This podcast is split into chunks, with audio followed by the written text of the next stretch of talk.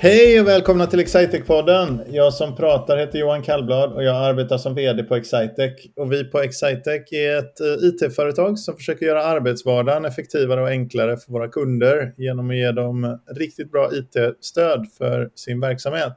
Och eh, på den här podden så samtalar jag oftast tillsammans med min kollega Frida Widersjö eh, med kollegor, någon gång ibland någon samarbetspartner eller en kund och eh, Frida, du, det är du som har arrangerat även det här avsnittet. Och stuvat runt i min kalender lite grann fram och tillbaka. Så jag var tvungen att göra sista minuten eh, byte av, av tid där. Men vi fick ju ihop det ändå verkar det som. Ja, det var på håret, men det gick ju även denna ja. gången. Ja. Vem eh, tyckte du att vi skulle prata med idag då? Men idag så tyckte jag det skulle vara superhärligt att prata lite med Pontus. Välkommen till podden Pontus. Tack så mycket. Hej hej. Hej. hej. Hur ser din poddkarriär ut innan den här inspelningen Pontus? Min poddkarriär ser ut som så att jag har medverkat i två poddar som gäst. Kul! Berätta mer, vad är det här för, för poddar du har varit med innan? Musikrelaterade poddar. Mm. En. Vad, vad är det för någonting? Eh, men berätta, berätta mer. Ja, en var, en var väl lite mer gitarrrelaterad och en och en bara i egenskap av, av mig som ja, musiker på något sätt. Vi har ju redan haft ett avsnitt eh, i eh, den här poddserien i vilket jag då var det faktiskt berättar om eh, hur man väljer den perfekta elgitarren om man bara får välja en. Ehm, ett väldigt svårt, naturligtvis, eh, ett nästan omöjligt uppdrag. Men, eh, det, ja, men det, det, det, det går att komma fram till det.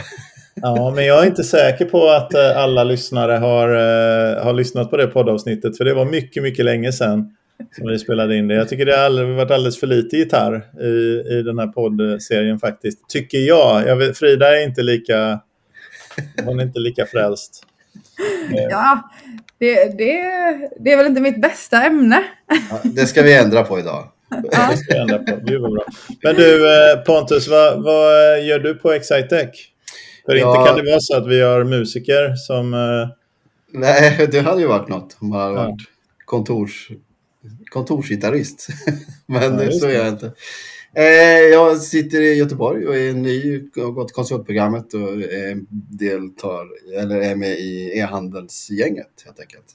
Ja. Vad ska du jobba med på e-handelssidan då? Vilka delar? Är det liksom utveckling eller? Utveckling och förhoppningsvis så mycket frontend som, som möjligt. Just det. Du vill att det ska vara, gillar du sådär, har du sett Fredrik Strages, eh, vår, han som har namngivit vår, vårt konferensrum i källaren då, hans, eh, hans, eh, han har ju någon föreläsningsserie där han visar sådana här eh, hårdrocksband-logotyper. Ja. Eh, som kan vara ganska komplexa. Frida, ja. har du sett det? Nej, det tror jag faktiskt inte jag har. Ja, det är en, en, en googling på Fredrik Strage och hårdrocksbandslogotyper så tror jag man kommer hitta det.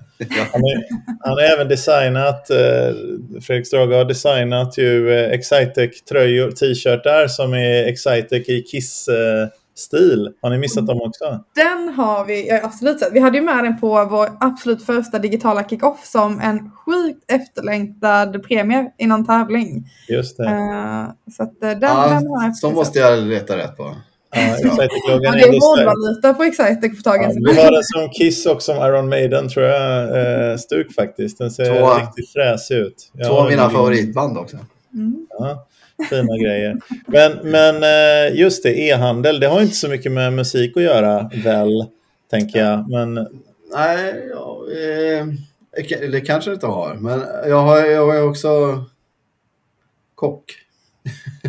Och det kanske, inte heller, det kanske inte heller har så mycket med e-handel att göra. Men på ett sätt jo. Har det visat sig nu lite grann kan jag säga. Just när vi sitter och jobbar med vår kund Plivit som säljer livsmedel och Balkanmat helt enkelt. Och det är ju det vi bygger åt dem, det är ju jättelikt till dem där jag har suttit på Martin och Servera eller Menigo och beställt varor. Liksom. Just det.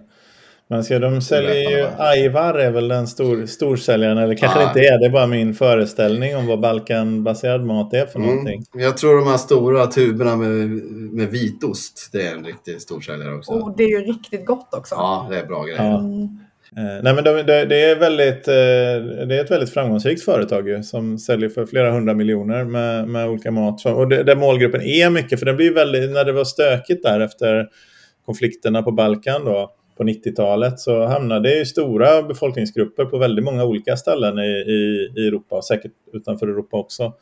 Eh, och, och, men vill man hålla kvar, liksom serva dem att hålla kvar vid gamla Eh, traditionella varumärken och sånt också som är stora. För det, det, är säkert så att många av de varumärkena som vi ser i en butik i Sverige, de är säkert super lokala för Sverige. Om vi hade behövt fly någon annanstans så skulle det vara en viss trygghet i liksom att uh, ha Felix ketchup också och inte bara Heinz. Eller liksom vad, vad det nu är för någonting. Det, där, ja, det är helt ovanligt att man som svensk besöker Ikea när man bor Jag tänkte precis säga det. Ja, just det. Det lär ha hänt. Ja. Verkligen. Men eh, Pontus, jag är supernyfiken på din bakgrund. Det känns som att du varit inne på väldigt många olika yrkesval innan du hamnade i e-handels eh, och eh, det spåret mer. Vad, mm. vad har du gjort för någonting innan du började på Excitec? Ja, om man får svära i den här podden så, så jag är ju så jävla gammal va, så att jag har hunnit med, hunnit med en hel del. Jag jobbat som kock i 20-25 år och spelat musik eh, på deltid kan man väl säga hela tiden. Och eh, med fyra barn i olika åldrar och eh, så kände jag bara när jag var faktiskt föräldraledig med min, sist, min yngsta. Då kan det vara tre och ett halvt år sedan eller någonting. Eller det är nog precis fyra år sedan är det. Precis på våren då. Då tänkte jag att jag passar på att säga upp mig nu ifrån sista köket jag jobbade i då. Och så bara... Nej, nu kör vi. Nu gör vi något som man... Något som kreativt. Man får sitta still om man vill. Och man får gå hem klockan fem om man vill. Det var liksom grundkriterierna på något sätt. Så jag chansar bara. Och här är runt lite grann och jag har jättemycket kompisar som som jobbar som utvecklare och eh, art directors och, och sådär. Och så eh, bara ramlade in på, gick webbutveckling 1 på distans på Luleås tekniska universitet. Bara en 7,5 poängskurs där. Och sen kom jag in på Medieinstitutets eh, tvååriga KI-utbildning som en ren front-end-utvecklare helt enkelt. Mm. Och den avslutade jag alltså då ja, i juni är det ett år sedan. Just det. Och eh, efter det hittade du till Excitec antar jag då? Yes. efter några... du, då var det konsultprogrammet du hittade till, eller hur? Ja, det var en lite lustig historia där. Eller jag hade via min fru som jobbade på Pulsen AB i Borås då. Så frågade hon runt bland sina kollegor bara om det fanns någon bra ställe att söka till. Liksom. Och så tror jag att förvärvet Bocode var klart då så att eh,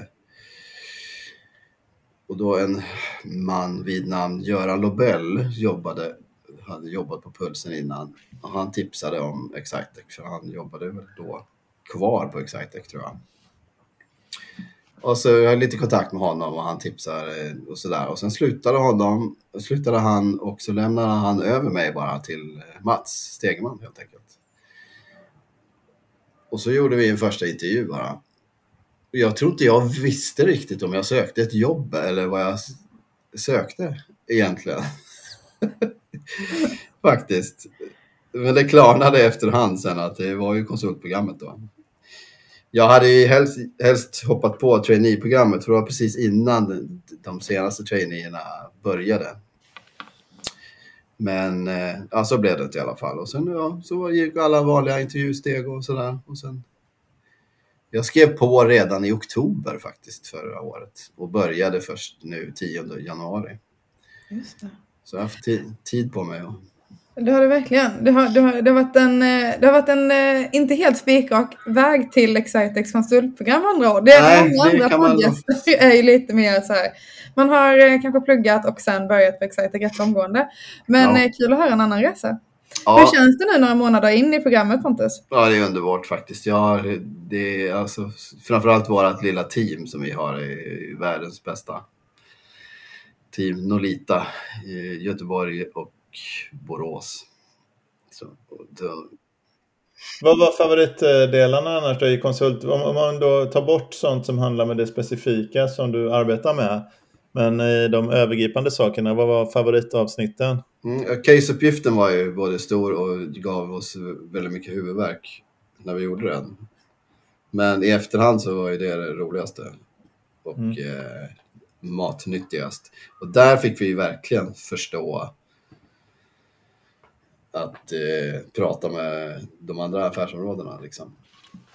Och vad vi behöver göra för att integration ska kunna göra sitt ar- arbete och vad integration behöver göra för att eh, Visma-gänget ska kunna göra sitt arbete. Sådär. Så det. det är en, vi tyckte att vi hade för kort tid och att vi skulle lösa en alldeles för svår uppgift på för kort tid. Men eh, det gick, det gick vägen och det var väl, väldigt roligt. Men vad heter det Pontus? Vi har ju ett segment i den här podden som heter Någon berättar om något. Har Ja. du något ämne som du vill berätta om idag? Ja, jag tänkte väl lite grann att jag kanske blev inbjuden just för att jag har eh, bakgrund och egentligen är mycket bättre på att hacka lök och spela gitarr än vad jag är på eh, C-sharp till exempel. Men det kommer nog. Och så funderar jag lite grann sådär på... Jag har just nu snöat in på skateboard igen för femte gången. Jag åker inte själv. Men jag konsumerar skateboardvideos och har favoritskatare och sådär va. Och hur mycket tid och energi och framförallt blod och benbrott de som är bäst måste liksom... Ja, det är speciella, det är speciella hjärnor som är bäst i världen på just skateboard skulle jag säga. Och då tänkte jag bara på det här med 10 000 timmar, ni vet det uttrycket. För att bli riktigt bra på någonting så är det ju 10 000 timmar. Och jag har ju egentligen, jag har ju egentligen bara lagt 10 000 timmar på gitarr och matlagning. Och på väg till mot mina 10 000 timmar kodning också. Just det. Jag kanske bara är uppe i 1000, 2000 timmar där än så länge. Då tänkte jag det att ja, vad skulle jag ha lagt mina 10 000 timmar på om jag inte hade lagt dem på gitarr? Och kom fram till skateboard. Det hade jag ju, det hade jag gjort. Fick jag börja om med en, en ung, frisk, pigg, 15-årig kropp, då hade, jag, då hade det blivit skateboard. Nu är det skateboard. Ja. Är Men gitarr är väl också ganska... Om man jämför med gitarr och matlagning och skateboard och matlagning, då skulle man ju mer sätta gitarren och skateboarden tror jag i samma, i samma hörn. Eller är gitarrspel mer likt matlagning menar du? Ja, i alla fall om man skriver musik.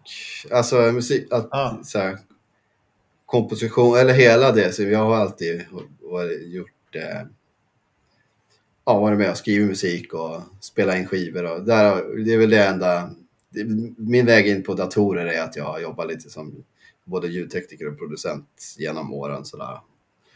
Så jag har använt datorer som eh, inspelningsmedia i ljudsammanhang. Då.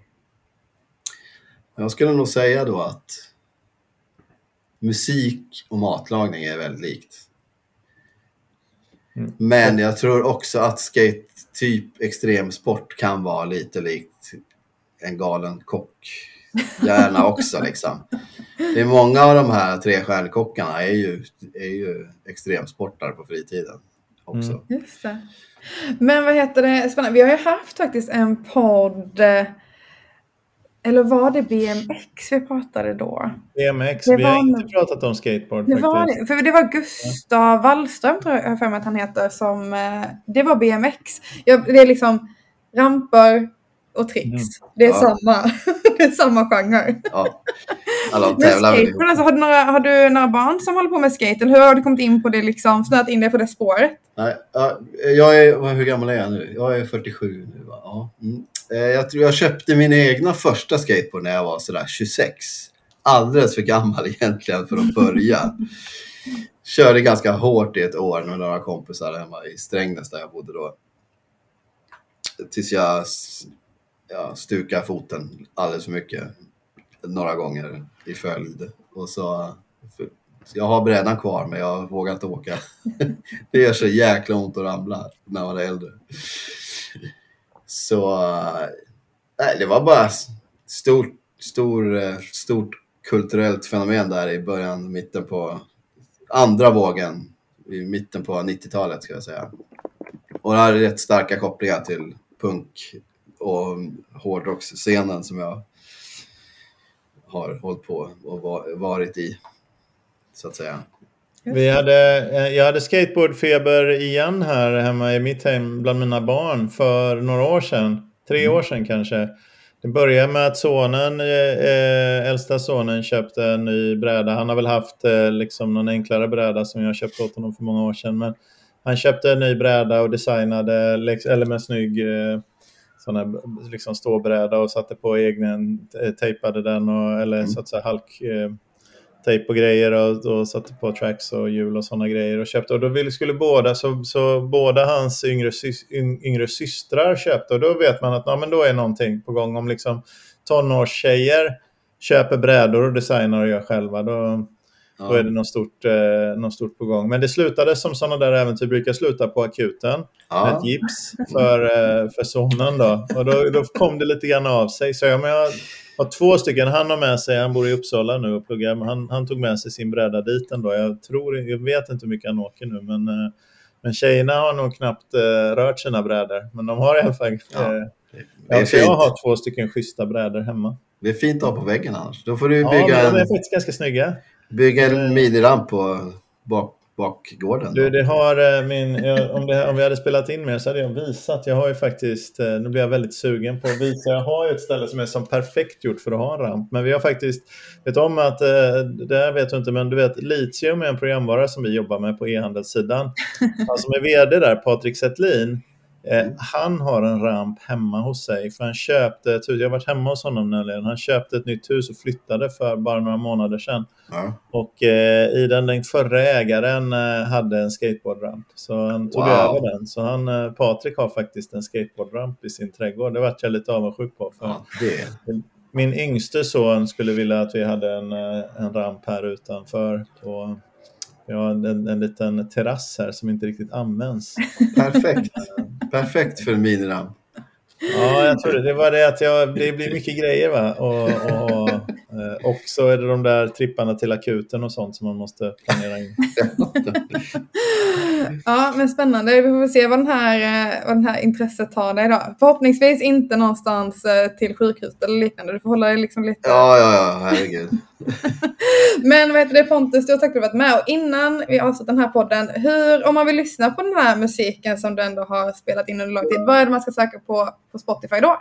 Ja, men ni måste först svara på vad ni har eventuellt lagt era 10 000 timmar på eller om ni vill göra eller är i en process att göra. Oj, bra fråga. Jag tror att jag har nog lagt 10 000 timmar på hästsport. Eh, Så det är ju eh, inte någonting jag håller på med längre. Men du är fortfarande hemma. Träffar du en häst så är du inte rädd för att den ska bita dig. Det är som, absolut Som inte. jag är. Jag, jag eh, har absolut, eh, jag tror att jag inger lite respekt hos hästar. Så det har jag väl tagit med mig in i vuxen ålder också. Mm. Jag funderar på hur mycket 10 000 timmar är egentligen. Jag har väl lagt 10 000 timmar på att vara vd på Excitec antagligen. Ja, då har du ju svart bälte i det liksom. Ja, men kanske på något sätt. Jag försöker, för jag tror inte jag har gjort, liksom, jag tänker så här, ja, men jag gillar ju att segla lite, men 10 000 timmar, eh, det tror jag inte. Och, eller det vet jag inte. Kanske, nej, det tror jag inte. Och, och sen, eh, jag spelar gärna lite golf, men det har jag inte lagt 10 000 timmar på, kan jag inte tro. Men några tusen timmar har det nog dessvärre blivit. Sen gillar jag att spela gitarr också, men jag har nog inte blivit 10 000 där, eh, där heller. Eh, men det har blivit en hel, eh, men det har blivit en hel del i och för sig. Det kan ju vara, det kanske blir många timmar om man, om man räknar ihop.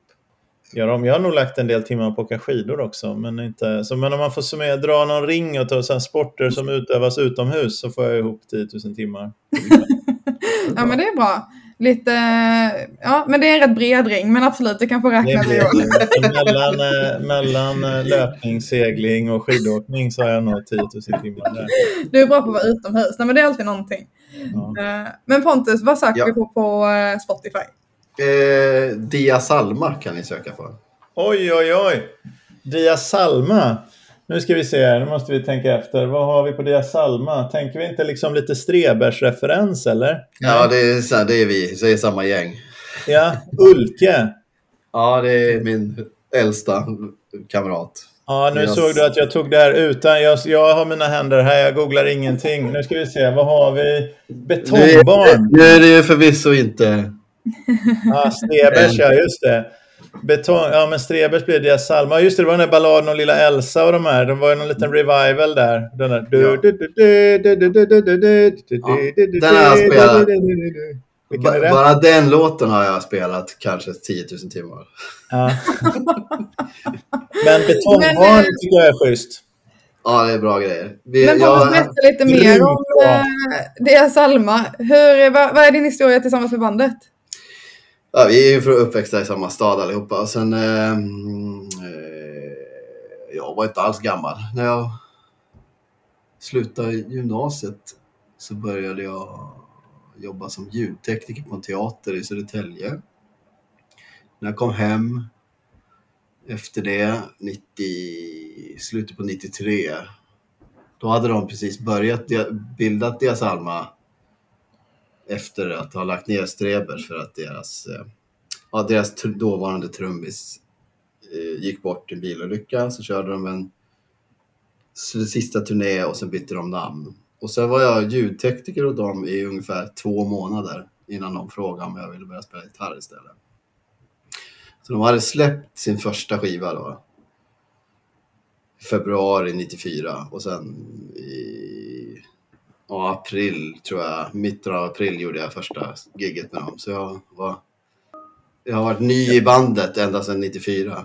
Mm. Men säga. jag skulle säga, det, ni spelade med väldigt små sättningar också, vad jag för mig. Bara tre musiker på, vilket ju är... Ja, på skivan är de tre och sen när jag kom med, sen dess har vi varit fyra. Sen ja, började, okay. började där.